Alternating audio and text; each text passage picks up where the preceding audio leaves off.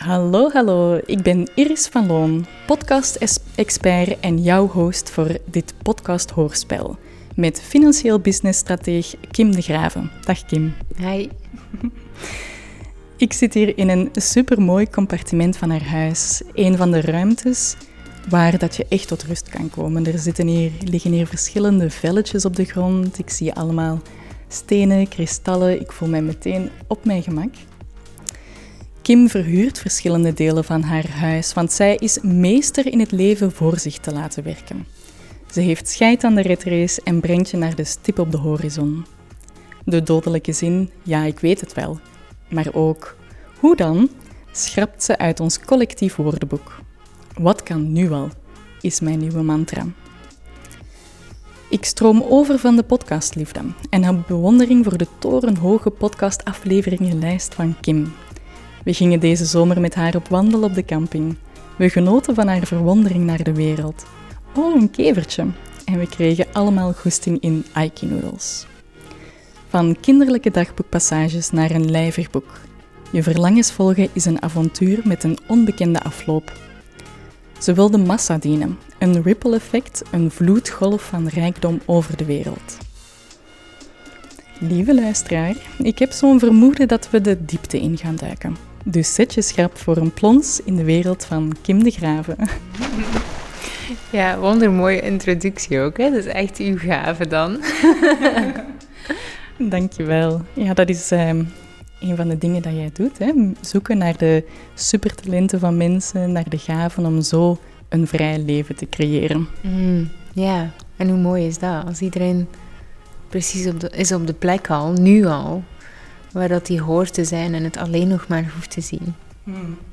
Ja, dat is uh, zeer mooi. Hè? Dat is ook niet altijd evident hè? om zelf je eigen supertalenten te zien en, en daarin te durven gaan staan. Um, hoe was dat voor jou? Was dat voor jou een eenvoudige reis om jouw supertalent te vinden? Hmm. Ja, ik ben wel nogal hard. Hoe zeg je dat? Ik ben wel nogal koppig natuurlijk. Um, het, het zat er gewoon wel altijd al. En dan komt het toch op een bepaald moment in een roes. Ehm, als kind word je vaak afgestraft voor je talenten. Dus echt, hè, mijn, mijn zoon experimenteert heel graag, dus maakt gaten in de muur met zijn tandenborstel. Als je dat tjoepje eraf haalt, dan heb je zo'n ijzeren staafje. En dat dient ook als uh, boormachine. Mhm. Ehm, en, en dat soort zaken is heel grappig uh, en toch ook weer niet handig. Dus ondanks dat zijn gave echt is experimenteren en alles uitproberen en, en dat hij daar ook geweldige dingen mee doet, um, straffen we het ook af, ook ik. Uh, en, en dat is kut, maar dat, dat doen we nu eenmaal. En als kind groeien we dus op van, oh ja, al die dingen die ik fantastisch vind, is niet zo handig voor mijn omgeving. En dan gaan we steeds minder van dat gaan doen. Plus, weinig mensen van ons hun talent zit echt in het schoolpakket. Dus uh, rekenen, wiskunde, ik zei, dat zijn twee dezelfde dingen. Uh, taal, ik bedoel, ja, en er zijn kinderen die daar perfect op gaan, maar er zijn ook heel veel kinderen die hun talenten daar buiten vallen en daar geen punten voor krijgen, want dan zit gewoon simpelweg niet in het systeem. Dus, um, dus die krijgen slechte punten op dingen die niet van hen zijn.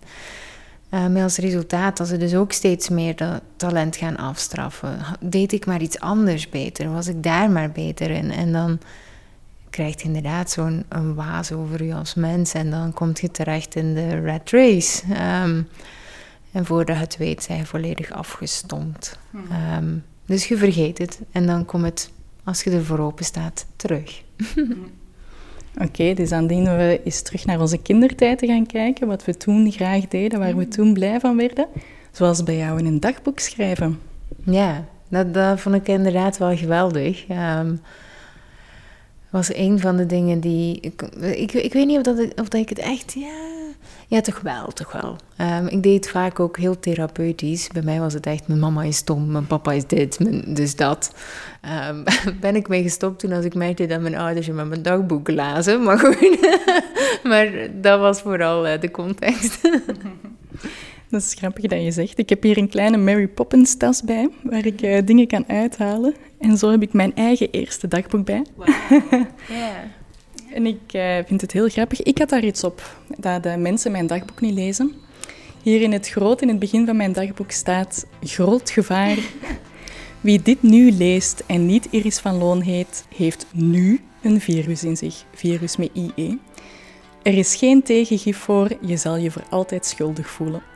Ah, mooi. Eigenlijk heel poëtisch ook gewoon. Ja.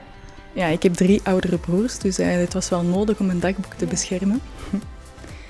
Maar hier ligt een heel ander lijvig kleurrijk boek bij ons ook. Jouw mm. eigen boek, Kim. Neem het eens vast. Ja. Ja, dit is het. Althans, de proefversie. dus de cover is zeer kleurrijk. We zien drie wolven, zijn het? Ja.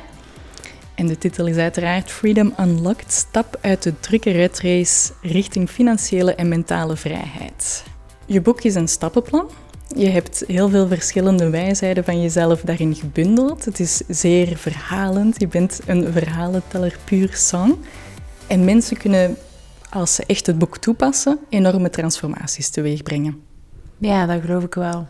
Je hebt het boek geschreven omdat je wil dat er heel veel mensen geholpen kunnen worden met jouw kennis, toch? Van waaruit is dat gevoel ontstaan?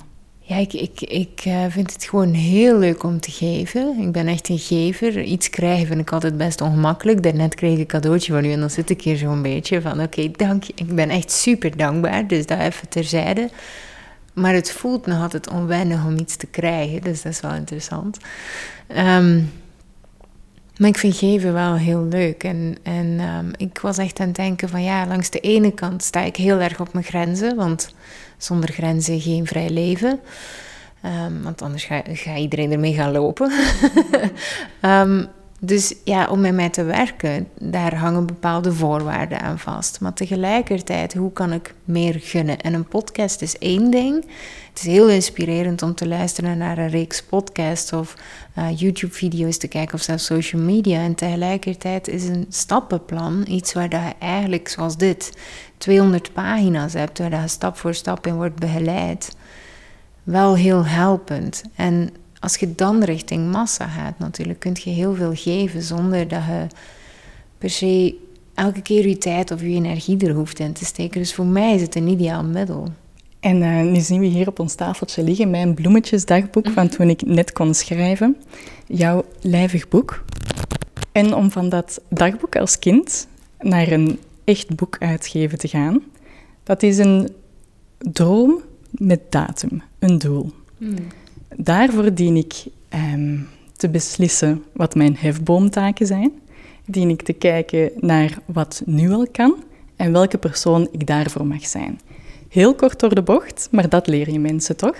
Ja, ja dus eigenlijk de stip op de horizon inderdaad. En dan kijken van ja, wat zijn die stappen die je daarvoor mocht nemen? En tegelijkertijd is het ik had laatst, uh, niet laatst, maar vorig jaar of zo had ik iemand die wou instappen bijvoorbeeld in mijn traject. En um, op het laatste nippertje zei ze, ja nee, het is goed, want ik heb het eigenlijk helemaal zelf helder. En um, ondanks dat ik daar heel dankbaar voor ben als mensen het helemaal helder hebben, is het vaak ook bullshit. En uh, uit angst of uh, weet ik veel wat. En um, op dat moment had ze eigenlijk geswitcht van job, dus had een andere job gekozen. Uh, was gaan solliciteren, was aangenomen, maar het was eigenlijk dezelfde job. En dan denk ik, ja, maar is dit een beslissing uit liefde of uit angst? Hè? Dus even gewoon om het zo weer uh, te, te koppelen. En, en het is niet het is gewoon een plan B. Dan, zijn we, dan is het toch ietsje anders, maar gewoon weer hetzelfde. En dan kun je een paar jaar weer rekken, maar dan zit je weer in dezelfde situatie. En dat is wat ik heel vaak zie. Mensen die dan wel ehm, uit hun comfortzone komen en een bepaalde stap maken daaruit, maar eigenlijk is het niet zo anders. En ehm, om daar echt goed uit te komen, moet je echt wel heel eerlijk kunnen zijn en uh, beslissingen kunnen maken om effectief de richting uit te gaan naar die droom dat je wilt. En inderdaad moet daar een datum aan vasthangen. En ehm, veel mensen zijn niet zo blij met het woord doelen of, of, vinden het zelf heel mannelijk. Maar eigenlijk is het gewoon een droom en datum. Dus meer dan dat hoef je er niet achter te zoeken. En het is zo scary omdat je dan commit aan iets. En dan kun je niet meer bullshitten, want dan brengt het me dichter bij mijn doel of niet. Het is heel simpel. Ehm, en dan gaat het dus echt uit die bullshit en dan gaat het die richting echt uit. Ja, bullshit, dat hebben we genoeg in ons hoofd en, en rondom ons. En dat, is, dat maakt het ook niet altijd gemakkelijk. Hè. Jij kan zo heel strak een spiegel voorhouden en dan of niet alleen jij, hè, dat kan even je kinderen zijn, je, je partner. Er zijn overal spiegels in de omgeving. En dan zie je je eigen blokkades, zie je je schaduwkanten en dan moet je er weer door en moet je weer groeien en hup, op en neer, op en neer. Soms ook gewoon super kut, toch? Ja, sowieso. En, ehm, en we willen het vaak ook niet aankijken, hè? zeker. Kijk, de, de, de, de eigenschappen van mensen die het meest irriteren, dat zijn de eigenschappen die je nodig hebt om je financieel vrij leven op te bouwen. Punt. Dus als jij iemand arrogant vindt, en, of dat triggert u enorm. Of bijvoorbeeld, een van mijn grote triggers is mensen die anderen naar beneden duwen om zelf groter te zijn. Dus eigenlijk iemand um, minder waardig maken daardoor. Maar dat is mijn aller, allergrootste trigger. Word ik zo boos van. Maar dat is omdat ik me vaak minderwaardig opstel. En dat zit mezelf in de weg. En, en dit houdt ook niet op, hè. dit is gewoon een spel dat je blijft spelen. Dus dit is nu mijn thema, waar ik mee aan het werk ben. En zo heb ik vroeger andere thema's gehad. Maar je, het is every level new devil. En zo kom je elke keer dichter, want je hebt die eigenschappen nodig om de beslissingen te maken die je hebt te maken om daar te komen. Als je geen grenzen kunt stellen, gelijk dat we eerder al zeiden, dan kom je er ook niet. Dus als jij jezelf constant wegcijfert en jij um, iemand die egoïstisch is, triggert u, ja, wat zouden we moeten doen dan? ja, dus, dus, het leven geeft u constant hints en clues en het is één grote zoektocht naar dat wat hij, jij heel graag wilt, zijn allemaal cadeautjes. Hmm. Ja. Heel mooi. Je zegt dat je jezelf soms minderwaardig opstelt. Hmm. Waarom, Kim? Waarom doen we dat? uh, ja, um, uh, omdat ik ergens in mijn kindertijd ben gaan geloven dat uh, ik minder waard ben. Ja? Hmm. En zo is dat bij ons allemaal daar. Um, daar kunnen we niks aan doen. Maar op een bepaald moment zegt je moeder iets of je vader iets. En als kind kun je dat niet verwerken. Je hmm. kunt niet zien dat je moeder of je vader een en al liefde is, wat dat er ook uitkomt. En je neemt alles op u. Hmm. Dat is je verdedigingsmechanisme. Dus ik ben daar ergens gaan geloven dat ik minder waardig ben. Dus, um, en dan zit u zelf dan bijvoorbeeld in de weg op momenten dat... Ik zit nu in een uh, periode waar dat ik heel graag een, een programma wil maken voor ondernemers die uh, meer verdienen dan een miljoen en zo verder. Um, omdat die ook heel veel effect hebben op de massa en, en heel veel kunnen doen. Um, maar ja, als ik ze zie, dan, dan plas ik in mijn broek, bij wijze van spreken. Maak ik me heel klein, terwijl ik zelf meer dan een miljoen verdien. Dus het is nu niet. De, maar toch doe ik het. En, en ik doe het ook op andere eigenschappen, niet alleen op, op, op uh, financieel vlak waardoor dat ik minder impact kan maken. Want als ik me kleiner maak, dan, dan is het klaar, hè? Dan, dan maakt hij geen impact. Dus um, vind ik wel interessant. En ik weet het rationeel en ik begrijp het rationeel, maar ik belichaam het nog niet 100%. En hoe werk je daar dan naartoe? Voor dit stuk heb ik wel hulp. Uh, op dit, ik, ik heb altijd wel ergens hulp. ik uh, leun heel graag. Um, en ik geloof ook niet dat veel mensen geloven vanuit hun jeugd dat ze alles zelf moeten doen. Wordt ook zo geleerd, hè? want als je samenwerkt op school, dan noem het... Je moet zoveel niet praten of uh, je bent aan het spieken. Dus eh, we leren heel individueel um, keuzes maken en, en, zelfstandig zijn. En anders zijn we zwak of, of schuldig of weet ik veel. Um, dus ik leun heel veel. Um, en nu uh, zit ik eigenlijk op een, uh, in een traject waar dat we eigenlijk constant naar die situaties teruggaan. Bijvoorbeeld, hè, wanneer was de eerste keer dat je minder waardig voelde? Ah ja, die situatie met mijn ouders. Oké, wat gebeurt er? En dan ga je eigenlijk gewoon elke keer dieper door middel van vragen. Tot als je ziet van, hé, hey, eigenlijk is dit wel grappig. We willen hetzelfde, we willen allebei liefde. Maar we zien het gewoon niet van elkaar. En dan wordt het grappig. Dus, en dan kun je het loslaten.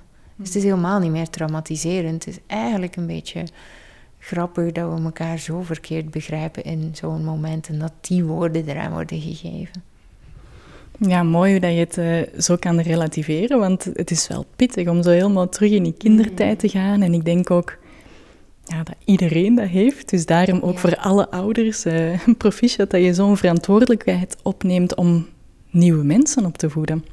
Ja, dat ook. En het, het, mooie daarom is ook als je dit doet, um, dat het wel, en dat voel ik wel, ik, ik zeg het, ik belichaam het echt nog niet, maar ik wil het wel. Het is echt een skill, een vaardigheid, want als je dit vandaag kunt toepassen, iemand triggert u, en uiteraard wordt je emotioneel geraakt of weet ik veel en dan kun je Oh, wacht, wat, wat is de boodschap daarachter?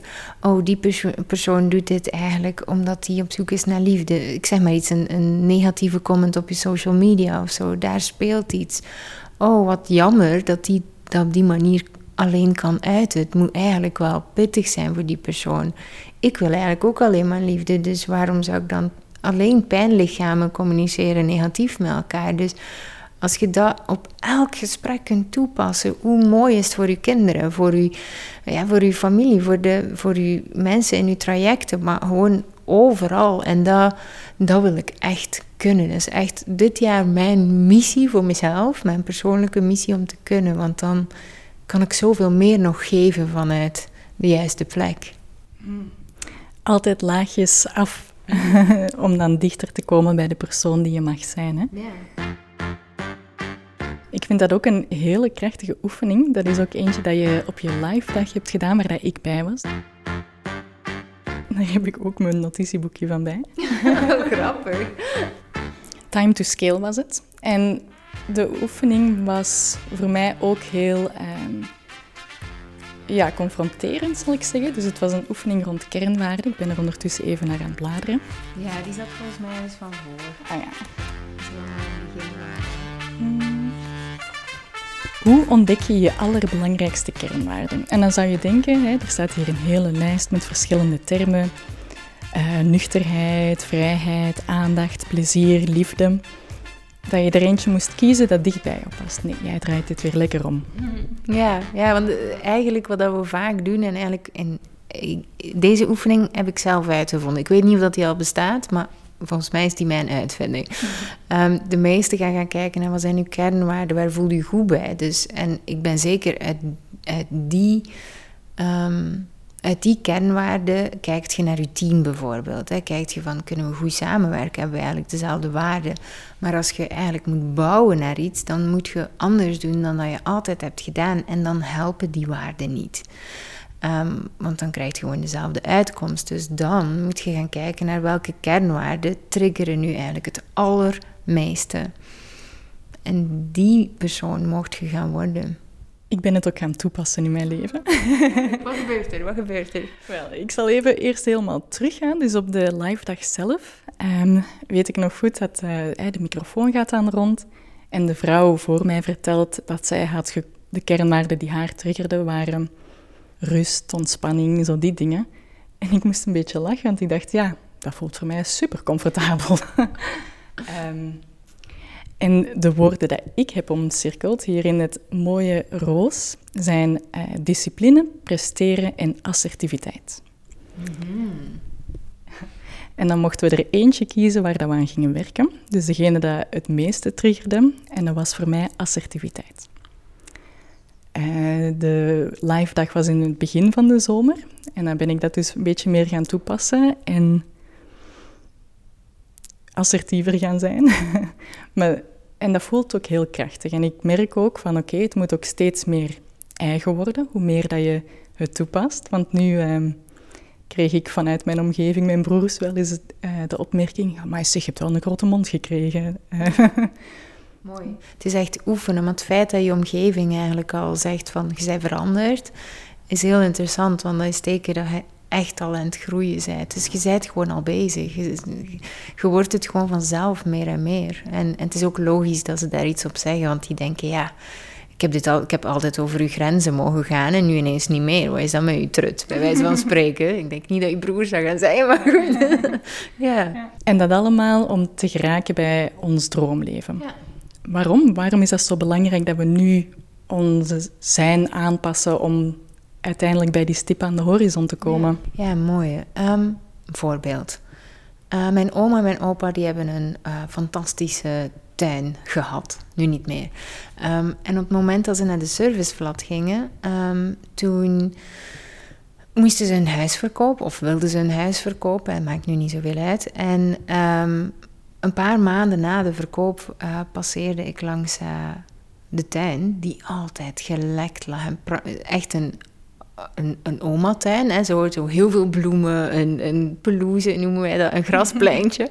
um, en uh, um, ik, ik passeerde en de struiken in de voortuin waren dood. En er was heel veel onkruid. Overal. Overwoekerend, weet ik veel wat. Tussen de tegeltjes, had ik nog nooit gezien bij mijn oma en mijn opa. Um, en ik, ik moest wel lachen, want ik bedenk dit verhaal omdat er laatst iemand zei tegen mij van... Oh, als ik de lotto zou winnen, dan, dan zou ik dit en dat en dat. En ik dacht, nee, dan gaat jij nooit dit en dat en dat. Want, net hetzelfde met de tuin, jij mocht nog iets krijgen. Je kunt het niet handelen. Je kunt het niet houden. Het, het valt gewoon bij de meeste lotto-winnaars die worden ofwel depressief, een groot percentage alvast, ook wetenschappelijk aangetoond, of uh, zijn failliet binnen een paar jaar. Dat is niet zo, maar je kunt het niet handelen. Dus als jij iets wilt, dan moet je eigenlijk gaan kijken van oké, wie mag ik daarvoor zijn? En vaak zijn dat de dingen die je triggeren, want het is spannend om die persoon te zijn. En het is ook spannend om dat te behalen. Dus je moet het zijn voordat je het kunt handelen. En daar zit de sleutel. Heel mooi. Zo is voor mij ook eentje waar dat ik naartoe aan het uh, werken ben. Ik wil supergoed kunnen bouwen.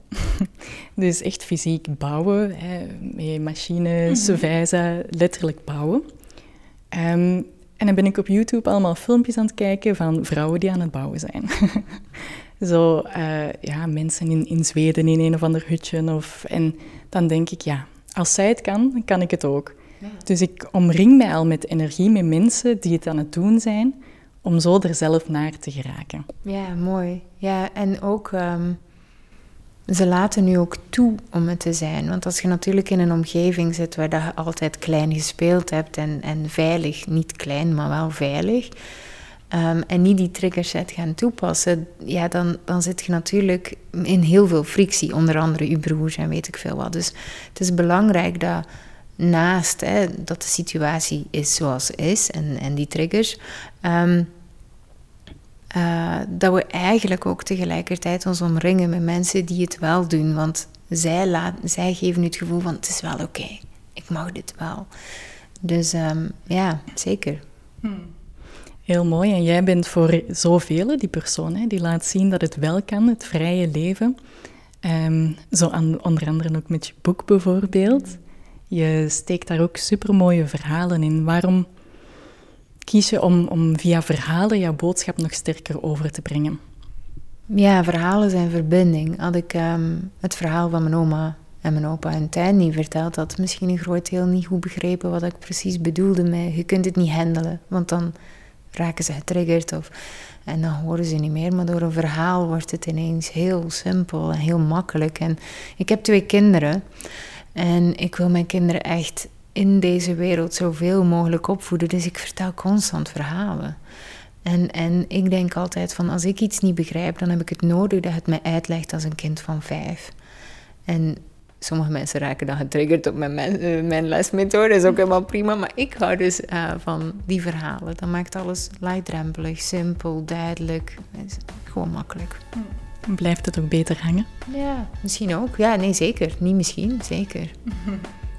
Ook jouw podcast is een en al verhalen. Dat is zo leuk om naar jou te luisteren. Jij laat je gedachten stromen en er komen superveel inzichten over jouw tong gerold. Maar op dezelfde moment neem jij ons ook mee naar waar dat je op dat moment bent. Zoals deze zomer de camping. Dat is ongelooflijk aangenaam om, om naar te luisteren. Jij spreekt vanuit de energie waarin dat je in zit? Ja, ja, dat wel, inderdaad. Ik, ehm, ik vind mezelf vooral heel erg chaotisch in mijn podcast. Maar goed, ik ben te koer wel een beetje. Uh, nee, ik, ik wou het een ander woord noemen, want dat vond ik leuker. Organisch, dat klinkt beter. ik ben organisch. Uh, en, en daar houd je van of niet. Uh, maar ik vind het, ik zocht vooral naar de beste manier voor mezelf om te podcasten. Want mijn eerste afleveringen, als ik die luister, misschien wel interessant is om te vergelijken, zijn heel um, berekend. Um, had ik meestal drie dagen op voorhand al een script klaar, toch een beetje schrappen bijstellen. En het, het, het, mijn, mijn energie droop ook weg. Ik had het gevoel, ja, ik wil graag delen, maar ik verlies zelf zoveel van mezelf. En ik was bang dat dingen verkeerd gingen overkomen. En op een bepaald moment heb ik het gewoon losgelaten en dacht ik, ja, weet je, voert, ik, ik voel nu iets, ik pak mijn gsm, hè, een goede micro of niet. Hè. Als podcast-expert is dat misschien uh, slechte punten, maar um, um, ja, ik, ik neem gewoon op op het moment zelf en, en wat ik voel. En of dat er nu veel wind op de achtergrond op zit of niet, ik kan me echt geen enkele reet schelen. nee. Maar dat is keigoed. Ook, ook als podcast-expert. Ik zeg ook gewoon, het draait om het verhaal dat je brengt. Niet om de microfoon dat je bij hebt. Um, maar het is voor heel velen al een heel grote stap om die microfoon te nemen. Ja, mooi. Jouw eerste aflevering, Kim, dat was januari 2021. Die heette Met pensioen op je 33ste, hoe doe je dat? En dat was toen nog de Plantrekkers podcast. Ja. Je hebt ondertussen 250 afleveringen ongeveer. Dat is een enorme groei geweest, hè? Ja, ja. En nu is inderdaad de naam ook veranderd. En nu is Freedom Unlocked podcast. En um, het is zo... Uh ik denk, ik denk wat ik vooral ben beginnen doen is gewoon, oh, ik praat gewoon en, en vind ik, hey, heb ik het gevoel van, het is niet goed, het is niet echt waar. Ik, ik dacht, ik zet het gewoon online. Het, het kan altijd beter. En, uh, maar misschien als je het spannend vindt, dat je gewoon kunt spreken in je micro en, en dan kun je nog altijd kiezen wat je ermee doet, maar dan zit je wel al bezig. Inderdaad, Kim. nee, nee, helemaal gelijk. En, en dat geeft mij ook een hele mooie aanzet om, om luisteraars door te verwijzen. Dus ik vind het zo jammer dat er zoveel vrouwen zijn dat zich laten tegenhouden door spanning of door techniek. Ah, de microfoon hadden het er net ook al over. Dat zijn dingen dat er allemaal niet toe doen. Gedaan met jezelf klein houden. Mijn missie is om van de wereld een mooiere plek te maken door vrouwen te motiveren om de podcastmicrofoon op te nemen. Ervaar instant het plezier en de kracht van podcasten dankzij mijn gratis audioreeks. Samen muten we de imposter en starten we de vrouwelijke revolutie in podcastland. Schrijf je in via de beschrijving van deze aflevering en realiseer jouw podcaststroom. En wie weet heb je ook ooit een torenhoge podcastafleveringenlijst zoals Kim. Alles wat je staat komt van een prijs. Ofwel uit de zee, ofwel keitjes van het strand, of soms uit een winkeltje. Alles komt van onze reizen. Wauw, dan ben ik ook heel benieuwd naar dit werk hier. Dus ik zie um, ja, oranje veren in een kleine cirkel, een grotere cirkel en nog een grotere cirkel. Dus drie cirkels met gewone veren waar dat ja, oranje fluo over is, precies. Vertel. Oké, okay, dit is echt heel flauw, maar goed, we gaan eerlijk... Deze is van Lara maar goed. Zo'n ding is dan ook in mijn huis. Maar past er wel helemaal bij. Ja, ja vond ik ook. Oh, ik vond het zo mooi. Uh, Janneke Geurs is uh, uh, iemand die ik ken en waar ik nu mee samenwerk. En zij vertelde mij dat zij op een bepaald moment bij een comedian in de zaal zat. Die niet grappig was. dus dan krijg je die stiltes in de zaal, pijnlijke stiltes, heel ongemakkelijk ook. Um, waarbij dat ze ook vertelde van ja, maar eigenlijk ligt het eigenlijk nooit aan de grap dat het stil wordt in de zaal. Want ja, Hans Theeuwen steekt twee theezakjes in zijn neus en iedereen ligt plat. Dus het ligt niet aan de grap. Um, waar ligt het dan wel aan? Wel, um, wij als publiek komen halen. We komen eigenlijk iets halen. En de comedian, die kwam ook iets halen. Ik kwam de lach halen. Dus als iedereen iets komt halen, wie komt er dan brengen? En Um, Ja, halen en brengen, dat vind ik een heel mooi concept ook. Ehm, ik denk dat het ook heel fijn is als je uh, gaat podcasten en je voelt, vindt het een beetje spannend, dat je gewoon ook even vergeet of niet denkt dat het om jou draait. Hè? Ja. Je wilt iets vertellen voor de luisteraar, voor de persoon die, die naar jou aan het luisteren is. En dat neemt al heel veel zenuwen weg.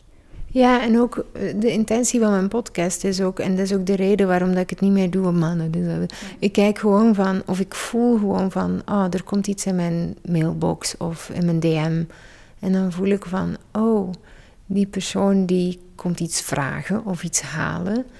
En dan denk ik, oké, het is tijd om te brengen. En dan maak ik een podcastaflevering. En uiteraard hè, doe ik daar een uh, call to action in en zo verder. Maar dan kan ik ook meteen iets brengen. En ik weet ook, als ik aan één iemand iets kon brengen, dan doe ik dat ook voor duizend andere, kan dat ook voor duizend andere mensen. En, die, en op die manier zijn ze ook altijd heel gelukkig. Want dan zeg ik, oh, het was even te moeilijk om dit in een klein tekstje te gieten. Maar ik heb er een podcast over gemaakt. Dus je, krijgt ook heel diepe verbinding met je, met je volgers. En ik vind het echt geweldig. Ja.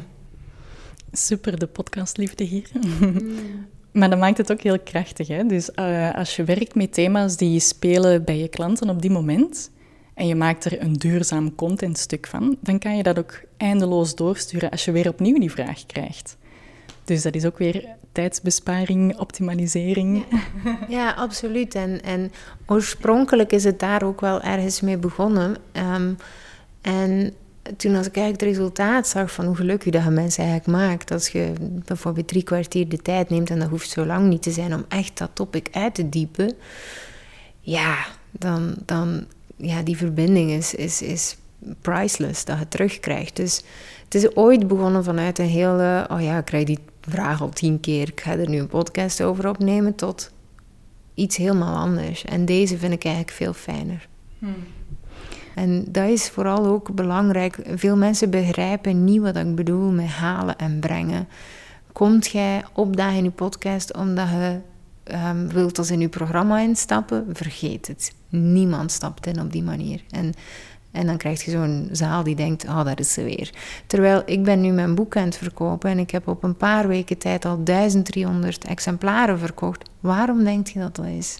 Het is gewoon puur opdagen. Het is niet van koop mijn boek, ondanks, dat ik het eigenlijk... Koop mijn boek! Al grappend bijna zeg, maar iedereen lacht ermee. Inderdaad, omdat het zo puur is. En die heb je wel te pakken, want anders moet je nog zoveel proberen als je wilt. Als je in je podcast brengt, dus je deelt wijsheid, je, superveel wijsheid, waardevolle content, je mag ook daarin staan en een call to action doen en, en, en iets verkopen. En dat is inderdaad niet meer uh, alleen halen, maar ook, ja, je weet ook dat je boek bijvoorbeeld in dit geval heel veel gaat geven aan die mensen. Dus het is hen ook helpen door dan in je waardevolle podcast ook een verkoop te doen. Ja, ja absoluut. En, en uh, call to actions zijn ook nodig. Want laten we eerlijk zijn, je hebt heel veel mensen die gewoon consumeren, consumeren. De infovoren noem ik ze dan weten, inf dus consumeren, informatie consumeren, is echt uit onzekerheid, uit uitstelgedrag. En soms mocht je die, nee, niet soms, je mocht die er eigenlijk ook echt gewoon uithalen. Hoe lang gaat je dit nog fucking doen? Hoe lang maakt je jezelf dan nog wijs? Hoe lang ga je dit excuus nog gebruiken? En um, en daarvoor is podcasting ook een tool, want je zegt natuurlijk hè, op een bepaald moment van ja, gebruikt je dit excuus? Wel, fuck off, um, uh, bij wijze van spreken. En, um, en dan mocht je inderdaad wel zeggen van hey, is het niet genoeg geweest, want dit kunnen we samen doen. En dat resultaat kunt je behalen en dat is echt absoluut iets brengen.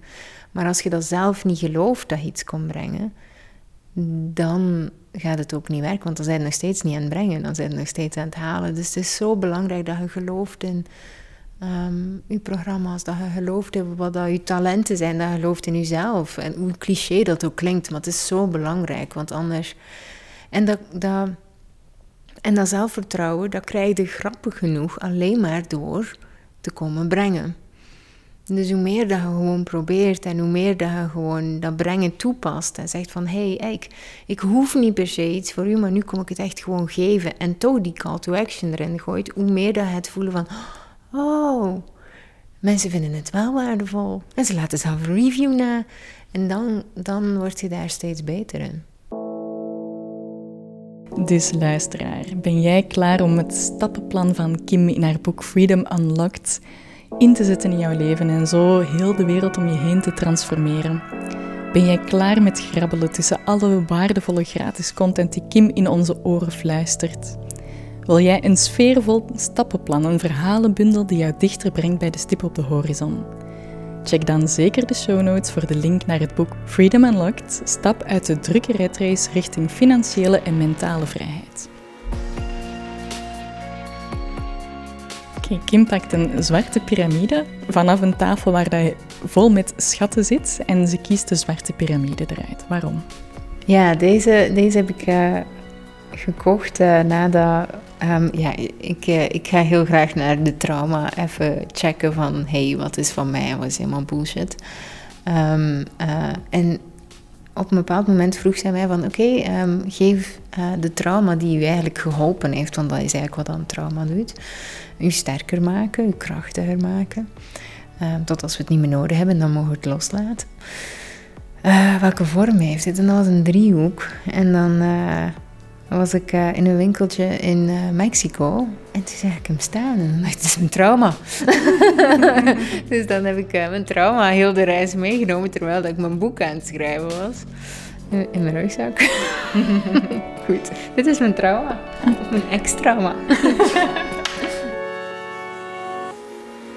maar er zijn weinigen die dat zo in de wereld durven sturen. Zo puur durven te zijn. En dan zeker als je zo'n groot bereik hebt met je podcast, dat er zoveel mensen luisteren. Wat was het? 800 downloads in het eerste, de eerste dag als je podcast online staat? Ja, meestal per dag uh, eh, 800 als ik regelmatig podcast. Want soms zit er eens een maand tussen, ja, dan knalt hij naar beneden naar 300 of zo. Ja. Dus blijf de frequentie hoog houden van je podcast. Ah, goede tip. Goeie, echt waar. maar tegelijkertijd blijf ook trouw aan je intuïtie, denk ik dan. En ik heb altijd zoiets van, ja... Um, het, soms, oké, nu ga ik misschien moeilijk doen. Soms voor mezelf ehm, is het soms beter om minder podcasts op te nemen, omdat mensen dan, um, dit klinkt heel grappig, maar ze krijgen bijvoorbeeld een soort honger van. Oh ja, nog altijd geen. Nog altijd geen. En, en soms heb ik echt momenten dat ik aan andere dingen werk en dat ik eigenlijk niet de space heb om een podcast op te nemen. En dan hebt je ineens een golf daar. Dus die golf verplaatst zich wel gewoon. Dus als je gewoon ergens aan je business bouwt, moet ook niet, of, of heb ik althans het gevoel van, oh nee, ik moet nu podcasten. Want als je gewoon zorgt dat er ergens die golf naartoe kan, um, ja, dan denk ik dat je altijd goed bezig bent. Sowieso. En dat vind ik ook juist het, het fijne aan podcasten. Dat ik vind dat je, je moet niets. Je schrijft je eigen regels. En Uiteraard, als je een vaste datum hebt, vaste frequentie, dat is altijd beter, maar laat het geen moedje worden. Mm. Podcasten mag echt ontstaan vanuit inspiratie, vanuit je wilt iets, iets delen, iets brengen. Ja, um, ja zeg, en, en, en podcasting is en nu ga ik echt helemaal reclame maken voor uw winkel natuurlijk. Maar wat ik bijvoorbeeld heb gemerkt is, um, uh, ik zit heel veel ook in de advertenties. Ik vind funnels geweldig, ik ben echt een dikke nerd. Um, maar dus wat ik ook merk is dat ik heb wat geëxperimenteerd de laatste tijd. En dat webinars en self-challenges, dat mensen dat zo ik wil hier geen statements maken, want het hangt ook nog altijd aan uw eigen kwaliteit af. Want ik, ik adverteer er wel nog op. Maar dat mensen dus ook ehm, sneller bijvoorbeeld inschrijven op een geheime podcast of weet ik veel wat. En als je daar iets marketinggewijs mee kunt toepassen. Ik heb het nu geprobeerd en mijn, mijn conversie, dus eigenlijk de mensen die instapten, was echt gigantisch. Dat ik dacht, oh my god. Ik heb gewoon eens op Instagram geroepen, ik heb een geheime podcast. en dan zoveel. En dat was eigenlijk, ik deed dan een call to action in de betaalde geheime podcast naar een grote workshop van 500 euro, zoiets.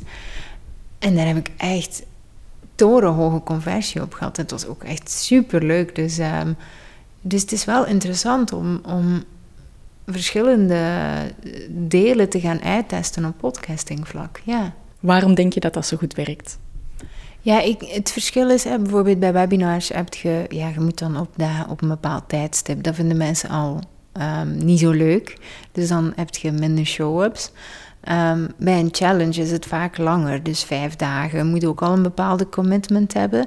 Maar bij een podcast is het gewoon van ja, ik, ik, ik schrijf gratis in of ik betaal ervoor, ik steek hem in mijn oren en klaar.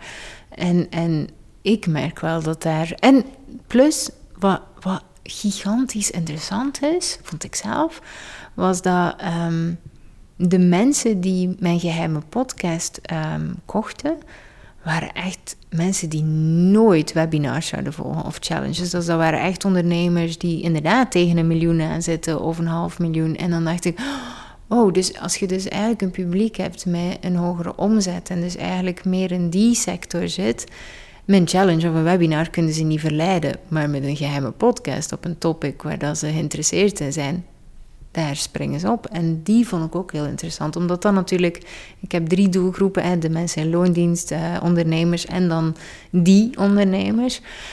Um, en dat is, dat is wel cool om te ontdekken. En, en ja, podcast. ja, je krijgt ook ongelooflijk veel tijd in je podcast. Hè? Dus je krijgt veel meer ruimte. De persoon kan zelf ook luisteren wanneer dat hij wilt. En dat is gewoon een uh, ongelooflijk geschenk, vind ik. Absoluut, ja. Ik, ik, ik, denk, ik denk, ik voel, whatever, um, dat podcasting naast video, dat, dat, zeker omdat we zo snel zijn, hè, we, leven in een cultuur waar dat er heel veel gebouwd wordt op snelheid, um, geloof ik eigenlijk stiekem nog dat podcasting nog groter wordt dan video.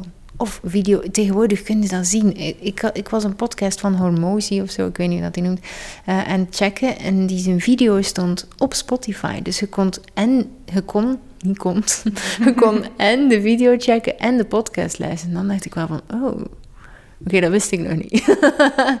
ja, maar dus, en inderdaad, ik, als, ik, als ik eerlijk ben, dan denk ik dat podcasting groter wordt dan video, omdat we zo snel zijn. Omdat we zo houden van snelle bites. ja. Bijvoorbeeld, mensen zeggen altijd dat ze geen tijd hebben. Dat is altijd zo grappig als mensen dat zeggen. En dan vraag ik hen, oké, mag ik nu je telefoon zien en je schermtijd? En dan ziet je meestal iets van een twee uur, een twee uur en een half per dag. Dus dan denk ik, ja... Of dan zeg ik, daar zit je tijd. Ehm, maar zij hebben niet dat gevoel. Dus zij hebben zoiets van, oh ja, maar dat is snel tussendoor. Dus je kunt inderdaad, in mijn podcast, het is een snelle hap, bij wijze van spreken, maar ook niet. Hetzelfde gelijk soms... Soms gaan wij op restaurant omdat we niet willen koken, omdat we geen zin hebben om er tijd aan te besteden. Maar ja, dan zitten we op restaurant en dan zijn we drie uur later thuis. Dus dat is bullshit. Um, maar zo, zo werkt ons brein wel. Snelle hap, maar toch ook niet. tijd. Dat is nog wel eens een onderwerp dat we ook even kunnen aansnijden, toch? Tijd is, is, is ons grootste geschenk, vind ik. Ik ben heel onverwachts een vriendin ook kwijtgeraakt. En dat heeft mij echt doen beseffen van... Oké, we hebben helemaal niet zoveel tijd. En als ik wil leven, dan ga ik dat nu doen. En niet als ik op pensioen ben. Ik, ik moet nu heel hard denken aan iets wat gebeurde bij mijn broer. En een valkuil wel daarin is... Um, pluk de dag is heel... Stel je voor dat elk moment van de dag moet plukken. Hmm. En dat je constant bewust bent van er is niet veel tijd. En, eh, we moeten dit en we moeten het beste. Maar het is heel veel druk. Um, dus ik denk dat het belangrijk is om daar ook weer te gaan kijken van de beslissing die ik maak van hé, hey, ik wil geen tijd verspillen. Want tijd verspillen kan ook heel mooi zijn. dus, dus dat we daar wel blijven kijken van oké, is het uit angst? voor de tijd. Want dan verlies je heel veel tijd met angst en piekeren. En uh, is de keuze wel juist genoeg? Dat. Um, of dat het uit liefde is. En wat ik gemerkt heb, is als je uh, keuzes maakt uit liefde, dat er altijd tijd is in overvloed. Ik heb zoveel tijd. En um, ik heb niet het gevoel dat tijd beperkt is.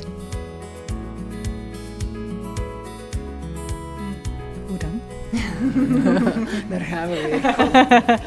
ja, ik spreek ook mee het intonatietje, maar hoe dan? Ja, Oké. Dus um, uh, ik heb geen tijd. Hè. Wat zou je doen als je veel tijd hebt? Um, of wat zou je nu doen als je tijd hebt? Mocht je dat gaan doen? Hmm. En dan creëert je meer tijd. Um, uh, wat zou ik doen als ik geen... Uh, ik heb geen energie. Wat zou je doen als je geen energie hebt? Ja, meestal komen ze dan af met 20 dingen, maar dat is bullshit, want dat, is uit schuld. uh, dus nee, wat zou je echt heel graag willen doen nu, als je energie zou hebben? als je dat gaat gaan doen, dan creëert je energie, want het is iets waar je blij van wordt. Of, dat je, eh, of, of iets wat je achter de rug wilt. Of weet ik veel wat. En daarachter krijg je een shot van energie. Van oh, yes, oh, goed, tof. Ehm, bij geld. Ik heb geen geld. Oké, wat zou je nu doen? En eerlijk, want ik zeggen... Oh, dan zou ik nu op Ferrari... Ik bedoel, heel, heel grappig allemaal. Maar dan neemt je het leven ook niet echt... Niet dat het leven moet serieus nemen. Het is één groot feest. Maar probeer wel trouw te blijven aan jezelf. Dus wat zou je nu graag doen als je geld had? En dat is wel een training. Maar ehm, hoe meer dat je gaat doen wat dat je zou doen als je geld had, hoe meer geld dat er komt. Omdat je brein daarmee leert omgaan. Oké, simpel voorbeeld. Um, uh, want deze is de moeilijkste. Ik wil niet meer naar prijzen kijken. Dat laten we die pakken. Dan heb je eerst te stoppen met naar prijzen te kijken, want dan moet je vanuit een ander gevoel gaan beslissen of dat je iets wilt of niet. Dus kijk gewoon niet meer naar prijzen. Wil ik dit intuïtief? Is één. Ja of nee, wil ik dit echt of niet? ze hebben kleren aan het kopen omdat we een shot nodig hebben van dopamine of omdat we slecht gedrag willen belonen. Ik heb zo hard gewerkt deze week, dus nu verdien ik iets. Dan beloont je eigenlijk negatief gedrag, eigenlijk gedrag dat je niet wilt. Dus ga er meer van dat doen. Ehm, of potentie. Ik wil dolgraag instappen in een programma van 20.000 euro bijvoorbeeld. Oké, wat is de potentie? Oké, volgens mij, als ik dit ga doen, dan kan ik makkelijk maal 10 met mijn omzet.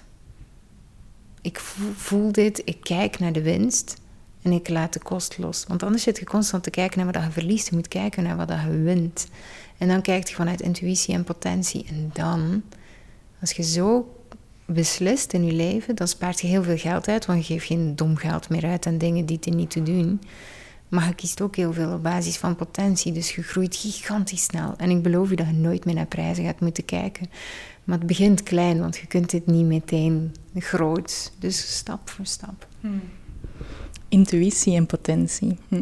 Ik denk zelf ook nog even aan een voorbeeldje um, over uh, die kleine stap en bepaalde energie ook niet toelaat. Ik denk dat ik het ook wel van jou uh, in een podcast heb gehoord, maar ik denk dus jij, die vertelde, heb je pennen die, die niet goed schrijven? Doe die meteen weg en bestel nieuwe pennen, want dat wil je niet in je leven. en ik was op dat punt, ik had geen enkele pen meer. Ik dacht, oké, nee, ik wil goede pennen. Dus op bol.com bikken besteld en dan was het zo, ah, mogen we over twee dagen leveren? Nee, ik wil het nu. Ik ben ook zo, net, ik heb het gisteren nog gehad, nu om. ja. Wat kan nu al? Ja. En er kan zoveel nu al, als je zo begint. En tegelijkertijd, we moeten even, want hier zit een paradox op.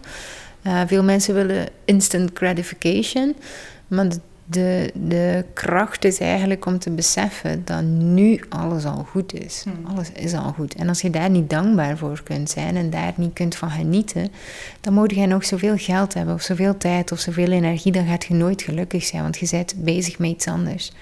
Je bent constant bezig met instant gratification en dan, dat, dat is wel echt belangrijk. Dus tegelijkertijd, stom voorbeeld misschien, maar het zwembad Ehm, ik, ik kijk zo hard uit naar het moment dat die tuin volledig af is. Ik wil echt een wilde tuin met geen, geen voetbalveld, maar wel een wilde tuin met overal kleine hoekjes en gezellig. Daar ben ik helemaal gek op. En eigenlijk een beetje een jungle. Ehm, maar nu is het een voetbalveld met een zwembad in. En, en toch hebben we elke dag zitten we in dat zwembad. Of dat nu regent of niet. Dus we zitten elke dag in dat zwembad. En het is zo leuk. En het is oké zoals het nu is. En elke stap dat erbij komt is zo'n beloning. Te zeggen, oh, en dan, en dan hoort, ik, ik weet niet, ja, je ziet mijn gezichtsuitdrukking natuurlijk niet, maar ik word er zo gelukkig van. En dat is hetzelfde met je huis bouwen of zo. Elke keer als er iets nieuws is, of je business bouwen, elke keer als er iets nieuws lukt en dat, als je dat kunt pakken, dan dat is zo mooi, want het is nooit af. We hebben allemaal dezelfde finishlijn, ons kist. En dan is het klaar en daar moeten we niet naartoe rennen. Het is zo mooi om hier en nu te zijn en alles te zien hoe dat is en tegelijkertijd te bewegen en wat dat we willen. En tegen dat we het hebben, willen we iets nieuws en dat is ook helemaal prima. ja. Zoals mijn grootvader zou zeggen, wie het kleine niet eert, is het grote niet weert. Oma zei dat ook. dus dat is wel heel grappig. Ik ben ook heel blij met wat er nu is. ik ben heel dankbaar dat ik hier op jouw mooie zetel mag zitten. Nu, daar hangt er een nieuwe bouwbab. Ik moet hem nog aan de muur hangen, maar ik vond daar een klein haakje. Dus ik dacht, voor nu hangt het daar. Dat is een boom, van die Ja. Afrikaanse boom. Is mijn favoriete boom. Eh, eh, is daar ook een verhaaltje over in mijn boek trouwens. Ja. Ook heel grappig, want mijn zoon wou T-Pex les van mij. En daar hebben we net over die quote gedaan natuurlijk. Wisdom is like a baobab tree. No individual can embrace it alone. Ja. Dus van de ah, baobab, boom, ba, ba- baobab, baobab. baobabboom naar een andere mooie wijsheid dat er in het boek van Kim staat. En ik geef aan haar de eer om het eh, zelf voor te lezen. Ja, een heel klein stukje is ehm, mijn persoonlijke definitie van succes. Is een leven leiden dat voelt als spelen, terwijl dat tijd, geld en energie zich in over- overvloed aanbieden, omdat je je talent inzet voor wat het er echt toe doet. Voor u, eigenlijk en de wereld. Mooi. Wil jij een sfeervol stappenplan, een verhalenbundel die jou dichter brengt bij de stip op de horizon? Check dan zeker de show notes voor de link naar het boek Freedom Unlocked, stap uit de drukke retrace richting financiële en mentale vrijheid. In diezelfde show notes vind je uiteraard al de wegbeschrijvingen richting Kim de Graven, mijn gratis audioreeks en nog veel meer podcastliefde.